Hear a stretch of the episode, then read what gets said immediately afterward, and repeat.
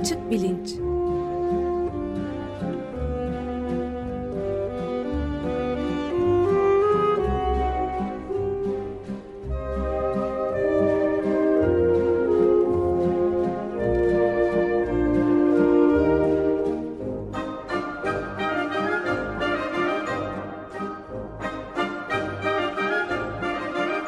Güven Güzeldere ile bilim ve felsefe sohbetleri.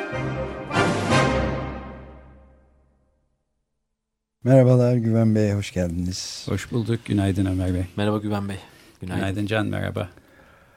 Bir de konuğumuz var bugün. Pelin Batu. Hoş geldin Pelin. Hoş, bulduk. hoş geldiniz. Hoş geldiniz. Merhabalar. Merhaba. Ee, Evrim serisine devam ediyoruz. Bitmek tükenmek bilmeyen bir e, seri haline geldi ama e, konu geniş ve e, birbiriyle ilintili pek çok ilginç meseleye de temas etme imkanımız oluyor. Geçen haftaki programda Yuval Harari isimli bir tarih profesörünün yazdığı Hayvanlardan Tanrılara Sapiens, insan türünün kısa bir tarihi olarak e, Türkçe'ye çevrilmiş e, kitabından bahsetmiştik. Bu kitabın en son bölümünde e, Harari Frankenstein kehaneti diye bir şeyden bahsediyor. E, Mary Shelley'nin yaklaşık 200 yıl önce yazmış olduğu Frankenstein kitabı e, belki bu açıdan benzer birkaç başka kitapla birlikte insan türünün e, derinlerde yatan korkularını, kaygılarını e, edebiyatta e, ötekileştirme, canavarlaştırma, e, metamorfoz yoluyla canavarlaştırma ile e, temsil ederek e, bu imgelerle ortaya koyması ile ilgili. Harari de bundan bahsediyor. Biz de bu konuyu biraz daha derinden irdeleyelim dedik. E, Pelin Batu'yu belki tanıtmaya gerek yok. Herkesin tanıdığı bir isim. E, Ama bu konuda ne alaka diye bilmiyorum. Evet, Ondan şimdi bahsedeceğim. Ben e, yani e, şairliği, e, gazete yazarlığı, televizyon programcılığı, e, akademisyenliği e, ve aktivizmi ve aktivizminin e, yanı sıra e, akademik e, kısmından belki biraz bahsederek tanıtayım. 2012 senesinde Boğaziçi Üniversitesi e, Batı Dilleri ve Edebiyatı bölümünde e, tamamladığı doktora tezinin e, Pelin Batu'nun başlığı metamorfoz yoluyla canavarlaşmış ötekinin yaratılışı e, Türkçe e, çevirisi böyle. E, İngilizce ne yazılmış. Korkunç değil Türkçe çevirisi? tez. Ben de aslında evet İngilizcesini okurken şimdi bunu Türkçe'ye nasıl çevireceğim diye düşünüyordum. Allah'tan bu şeyinde özetinde Türkçe kısmını gördüm. Ee, özetinin birkaç cümlesini okuyayım. Aslında tam bu tartıştığımız konunun e, merkezinde bir e, meseleyi e, tartışıyor e, Pelin Hanım. Diyor ki her çağ ve kültür kendi ötekilerini yaratmıştır. Bunların bir kısmını da canavarlaştırmıştır. Bu yaratıklar sadece toplumun arketip olarak nitelendireceğimiz korkularını değil, kendi zamanlarının korku ve endişelerini de yansıtırlar. Başkalaşım her daim ötekileştirir ve kimi canavarlar da metamorfoz yoluyla yaratılırlar. Bu tezin konusu yukarıda bahsi geçen başkalaşmış ötekilerdir diyor ve tezde e, Mary Shelley'nin Frankenstein'ının e, Kafka'nın dönüşümünün, e, Bram Stoker'ın Dracula'sının ve Oscar Wilde'ın Dorian Gray'in portresinin e, bu e, düşünce ışığında e, okumalarını yapıyor. Biz e, belki burada Frankenstein'a en çok yoğunlaşarak e, insanın kendi geleceği ve kendi hayatıyla ilgili kaygılarının e, ne olduğu ve niye bu şekilde ötekileştirerek temsil edildiği meselesini tartışalım diye düşündük. Çünkü ilginç bir şekilde e, hem bu konuda kaygı duyuyoruz ve bunu insan türü olarak belki elimizden geldiği şekilde kültür ve sanat yoluyla e, ortaya koyuyoruz. Öte yandan da bilim e, bilimsel çalışmalarla bu tam çok korktuğumuz yere doğru da bir taraftan e, gitmekteyiz. E, Harari de buna işaret ediyordu.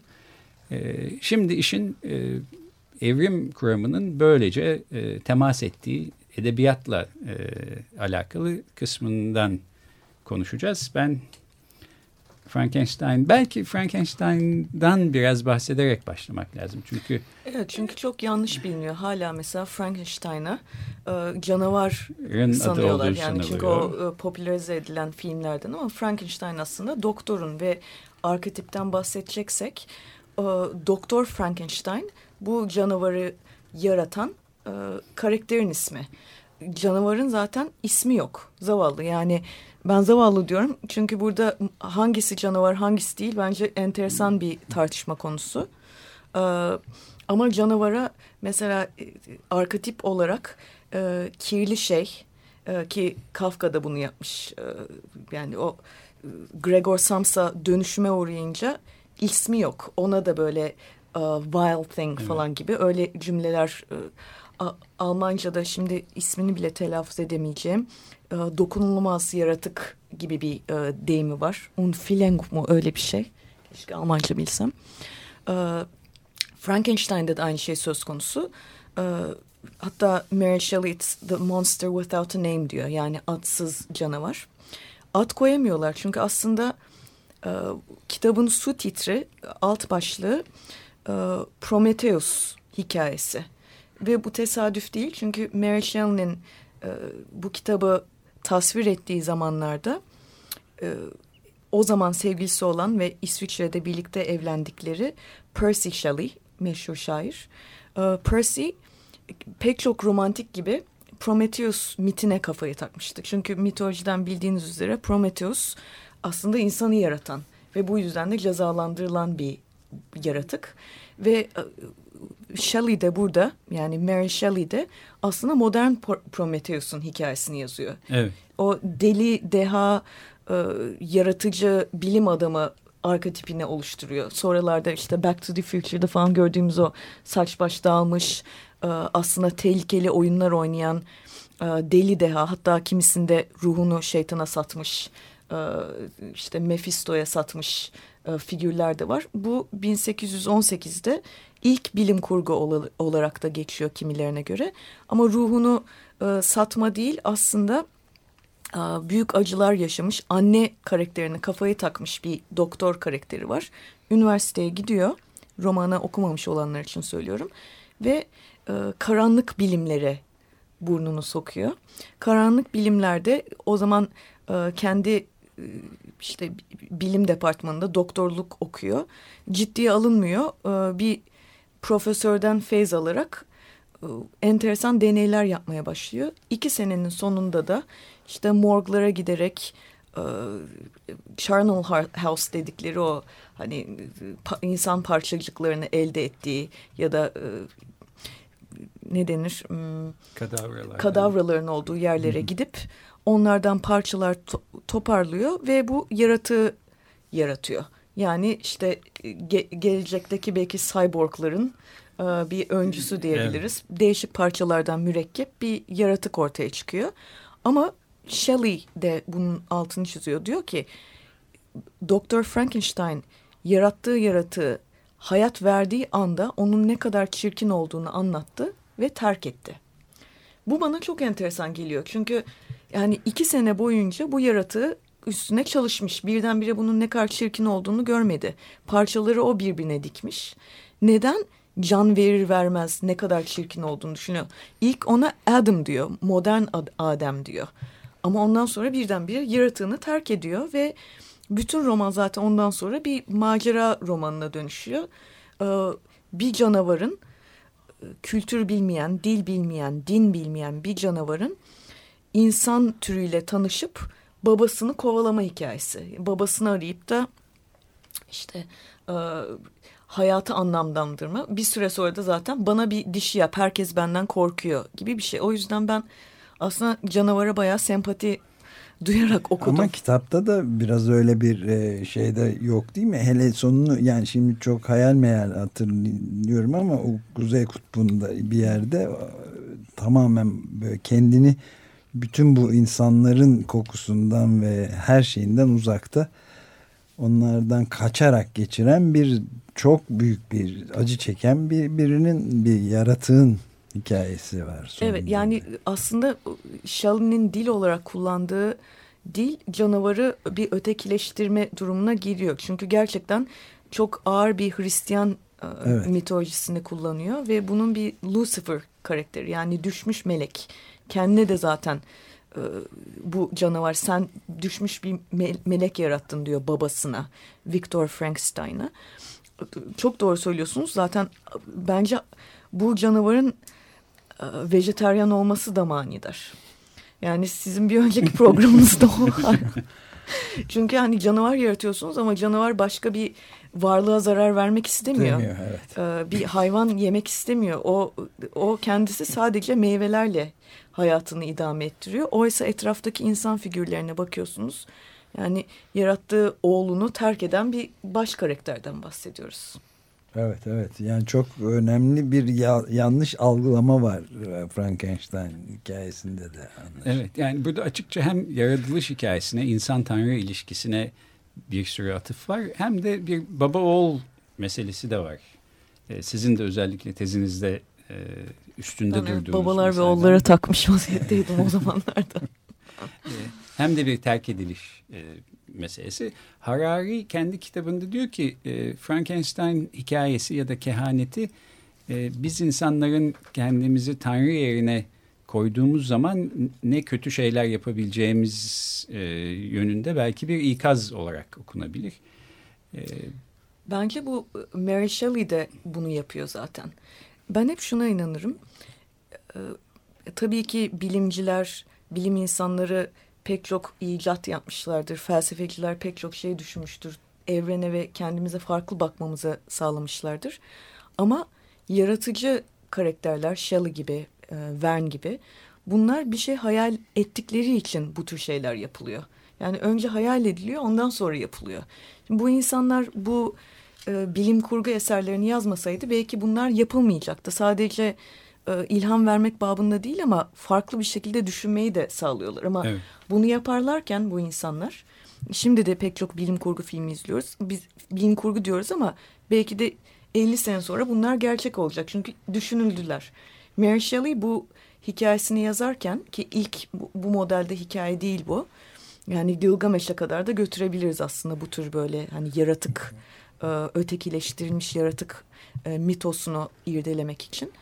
Ama uyarıda bulunan nadir eserlerden bir tanesi. Çünkü insan kendi eliyle yarattığı ve aslında ölümü alt edecek insan vücudunun zayıflığını e, ve o yaşlanma güdüsünü alt, ed alt edecek bir muhteşem bir ürün veriyor. Ama evet. yarattığı anda da bunun ne kadar bir canavara dönüşebileceğini Yıkım, görüyor. E, yani bu da bence çok cautionary tale derler ya uyarıcı masallar pek çok masalda olduğu gibi bir uyarıcı masal olarak okuyorum ben bunu. Burada e, Doktor Frankenstein'ın e, yarattığı bu yaratığın canlanması ile e, onu terk edip gitmesi ve çekin bir şey gibi görmesi bir korkudan mı kaynaklanıyor? Yani sizin de dediğiniz gibi o zamana kadar bunu düşünmüş olması lazım belki. Fakat canlanmasıyla birlikte birden böyle bir romanda da bir dönemeçe gelmiş oluyoruz. E, bu da herhalde bir tür endişeyi yansıtıyor olsa gerek. Zaten evet. bu ben tezi yazarken hem öteki iki bölüm yani felsefe ve edebiyat arasında bir e, bir tez anladığınız üzere özellikle e, canavar yaratma üzerine pek çok tekst ve kitap okudum ve pek çoğunun ortak noktası şu her toplumun canavarları kendi korkularının e, vücut bulmuş halidir. Dolayısıyla mesela şimdi biz bizim gibi toplumlarda e, diyelim hani İslamiyet ten çıkan ya da hani bu cinler vesaire bu tür şeyler hani kelime bile çok tehlikeli bulunuyor. Hani e, cin kelimesini söyleme deniliyor. Üzerinde ee, konuşulamayan. Evet. E, şimdi bir anda böyle odadan karanlık. E, batı'da da mesela e, sizle de bunu çok kısa daha önce konuşmuştuk. E, mesela vampirlerin bu kadar hortlaması tesadüf değil. Çünkü müthiş bir hani yaşlanma e, korkusu ve estetik anlamda mesela Amerika'da en fazla para harcanan şeylerden bir tanesi ve Sweet Sixteen'lerde en fazla hediye edilen şey plastic surgery'miş. Yani e, plastik, plastik ameliyat, ameliyat yapılıyor ve e, işte mesela en popülerleri popo büyütme, e, işte cilt gerdirme, yeni burun, burun yapma. E, niye bu vampirler bu kadar her tarafta? Çünkü şu andaki vampirler 100 yıl öncesinin o Nosferatu'nun ya da Bram Stoker'ın e, hayvani çünkü hayvan diye tasvir ediliyor ellerinden kıllar çıkan e, insan ve hayvan arası bir şey. Öyle değil tam tersine rockstar gibi muhteşem e, böyle e, güzel e, işte genç ama Pardon. estetikte bir kayış var. Yani sözünüzü bitirmenizi bekledim ama mesela bu aralar en popüler olan türlerden bir tanesi galiba zombiler. Biz de Açık Gazete'de bu aralar taktık zombileri. Ama o zombiler bir yakışıklı değil mi? Yani böyle evet, evet, görüyorsunuz. Tabii. Yakışıklı zombi Ya da güzel.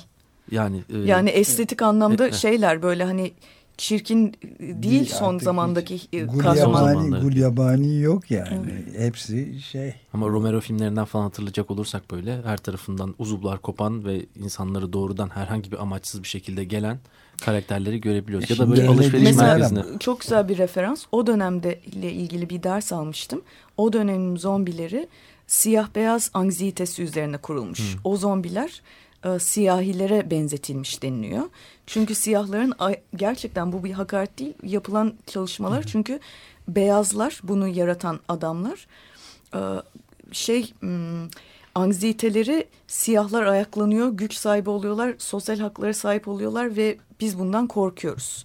Sonra Marksist bir okumayla dönemin zombileri daha çok couch potato dediğimiz koltuk üstünde oturup sadece tüketen ve hiçbir şey yapmayan e, ve aslında zombi gibi yaşayan tipler. Dolayısıyla hani her canavar zamanın korkularına ve zamanın sorunlarına göre evriliyor. Bugün de mesela Frankenstein gibi karakterler neden konuşuyoruz bu kitap e, bazında? Çünkü bilim öyle bir yere gidiyor ki bir taraftan evet pek çok hastalığı çözebilir, bir taraftan hiç öngörmediğimiz güzellikler getirebilir ama bir taraftan da insanların neredeyse sonsuzca yaşamasını düşünebiliyor musunuz? Yani bütün kaynakları bitirmiş bir Mad Max durumu var ki bu filmlerde boş boşuna çıktığını düşünmüyorum ben. Pek çok korkuyu yansıtıyorlar. Evet, geçenlerde e, bu şeyle Naomi Klein'la telefonla ama ayrıntılı bir mülakat gerçekleştirdik. Ee, yayınlandı da e, ve şey e, çok tam bu noktaya değiniyor işte o da. E, artık vardığımız son nokta olarak biz eğlence olarak da kendimize Mad Max tarzı şeyler yaratıp onları seyretmekle geçiriyoruz vaktimizi diyor. Yani işin sonuna ne kadar e, yaklaştığımızın da hissiyatı içinde başka bir hayal gücünde başka bir şeye yer kalmadı artık diyor. Bu kadar büyük yıkış ve yok oluşu gerçekleştirdikten sonra ilginç yani. Evet ben de burada belki beşeri bilimleri destekleyecek bir şey söyleyeyim. Amerika'da en azından sürekli bir e, beşeri bilimler krizinden söz ediliyor bu aralar. Beşeri bilimler öldü mü? Bu saatten sonra edebiyatın, sanat tarihinin, felsefenin bir yeri var mı? Çünkü işte mühendisler e, yapıyorlar, temel bilimciler keşfediyorlar.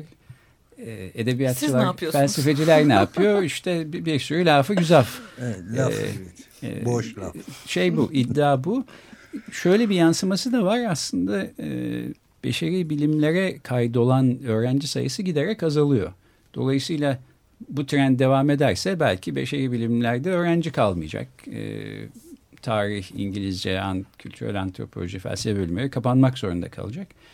Ee, Harvard Üniversitesi böyle çok ciddi bir kampanyayla biz ne yapalım da öğrencileri beşeri bilimlere çekelim diye e, sürekli toplantılar oluyor işte bir şeyler bulmaya çalışıyor falan.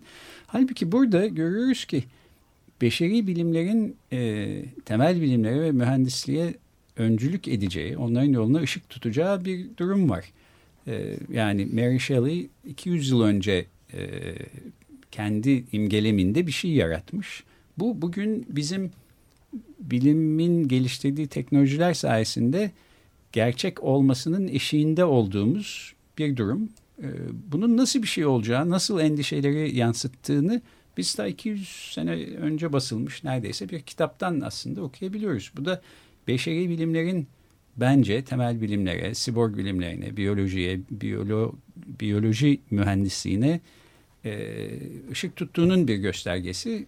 Beşeri bilimlere, edebiyata, kültüre, sanata niye aslında çok ihtiyacımız olduğunun Hatta bugün her şeyden her zamankinden daha çok ihtiyacımız olduğunun da bir göstergesi. Ama, ama ufacık bir parantez daha açayım. Gene e, Klein'dan e, naklen o, çok ilginç bir kitabı var zaten. Yani işte bu her şeyi değiştirir. E, kapitalizm iklime karşı diye. Evet. Tuğla gibi bir kitap ama müthiş çarpıcı gözlemleri falan var.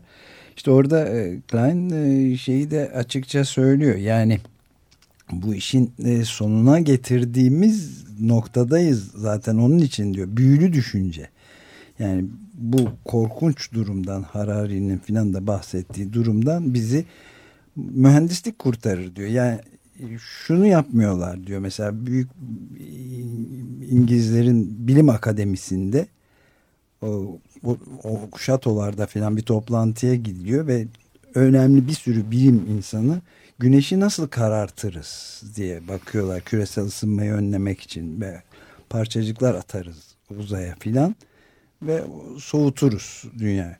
Yani şirketleri, enerji şirketlerini regüle etmek, onları düzenlemek imkansız ama güneşi karartmak pekala mümkün. Böyle evet. bir büyülü düşüncenin esiri olduğumuzdan bahsediyor ama büyük de bir kalkışma var tabii iklim aktivistlerinden aşağıdan gelen orada umut var. Ben e, şöyle bir belki de daha büyük bir parantez açarak size katılacağım. Şöyle ki son zamanlarda bu Rönesans kafa yapısına çok kafa, e, takmış vaziyetteyim. Çünkü özellikle hani Boğaz içinde de bunu çok gözlemliyorum. At gözlüğüyle belli konulara bakıp kendi konusunun haricinde hiçbir şey bakmayan dolayısıyla büyük resimde aslında pek çok bilimden etkilenip çok daha yaratıcı ve çok daha yararlı şeyler öne koyacak insanlar azalıyor. Sizin bu bahsettiğiniz kafa yapısından dolayı. Evet.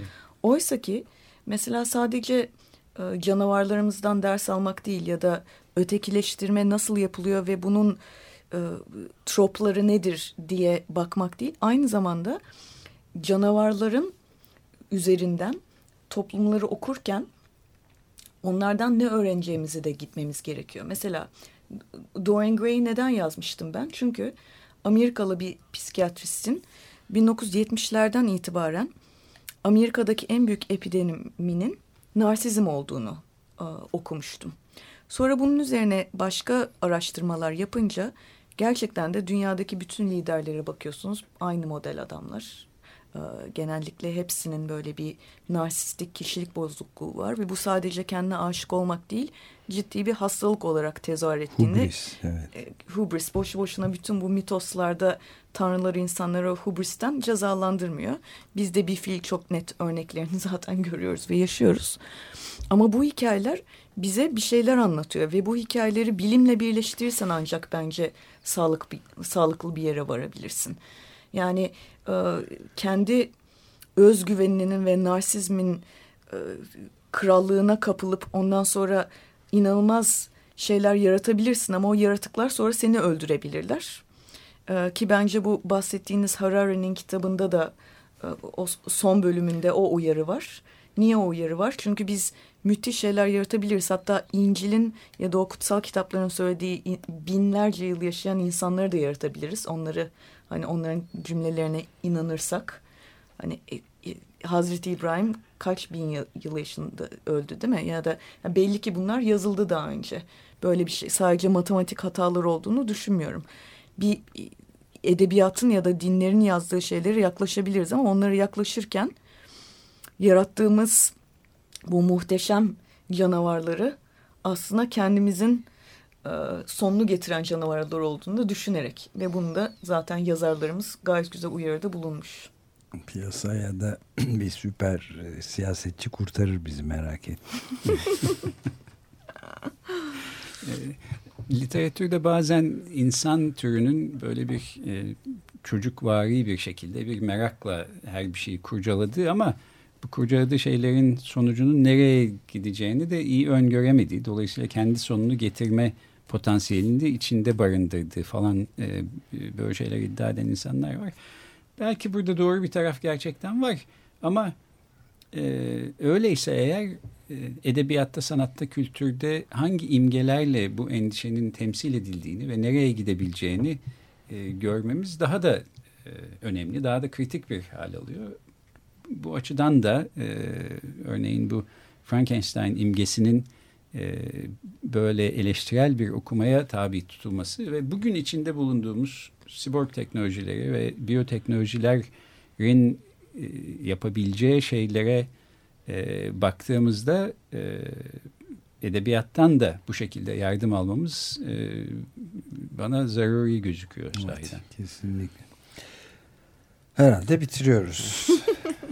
Galiba evet yani e, bu konular bitmez fakat zamanımız bu haftada bitti. E, konuğumuz Pelin Batu'ydu. Çok teşekkür ederiz. Ben teşekkür Pelin ederim. çok teşekkürler. Teşekkür ederiz. Evet gelecek hafta başka buluşmak üzere bir konuda çok teşekkürler Güven Bey. Evrim konusunda var henüz birkaç söyleyeceğimiz şey. Sonlarına geliyoruz ama e, haftaya devam edeceğiz. Görüşmek üzere. Hoşçakalın. Hoşçakalın.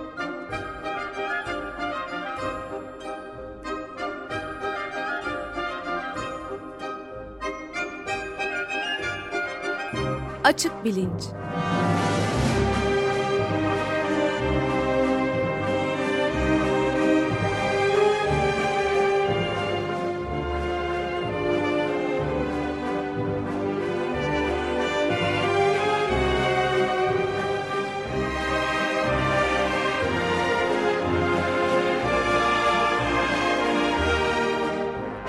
Güven Güzeldere ile bilim ve felsefe sohbetleri.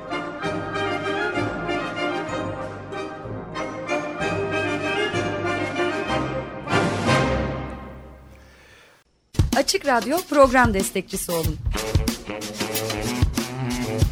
Bir veya daha fazla programa destek olmak için 212 alan koduyla 343 41 41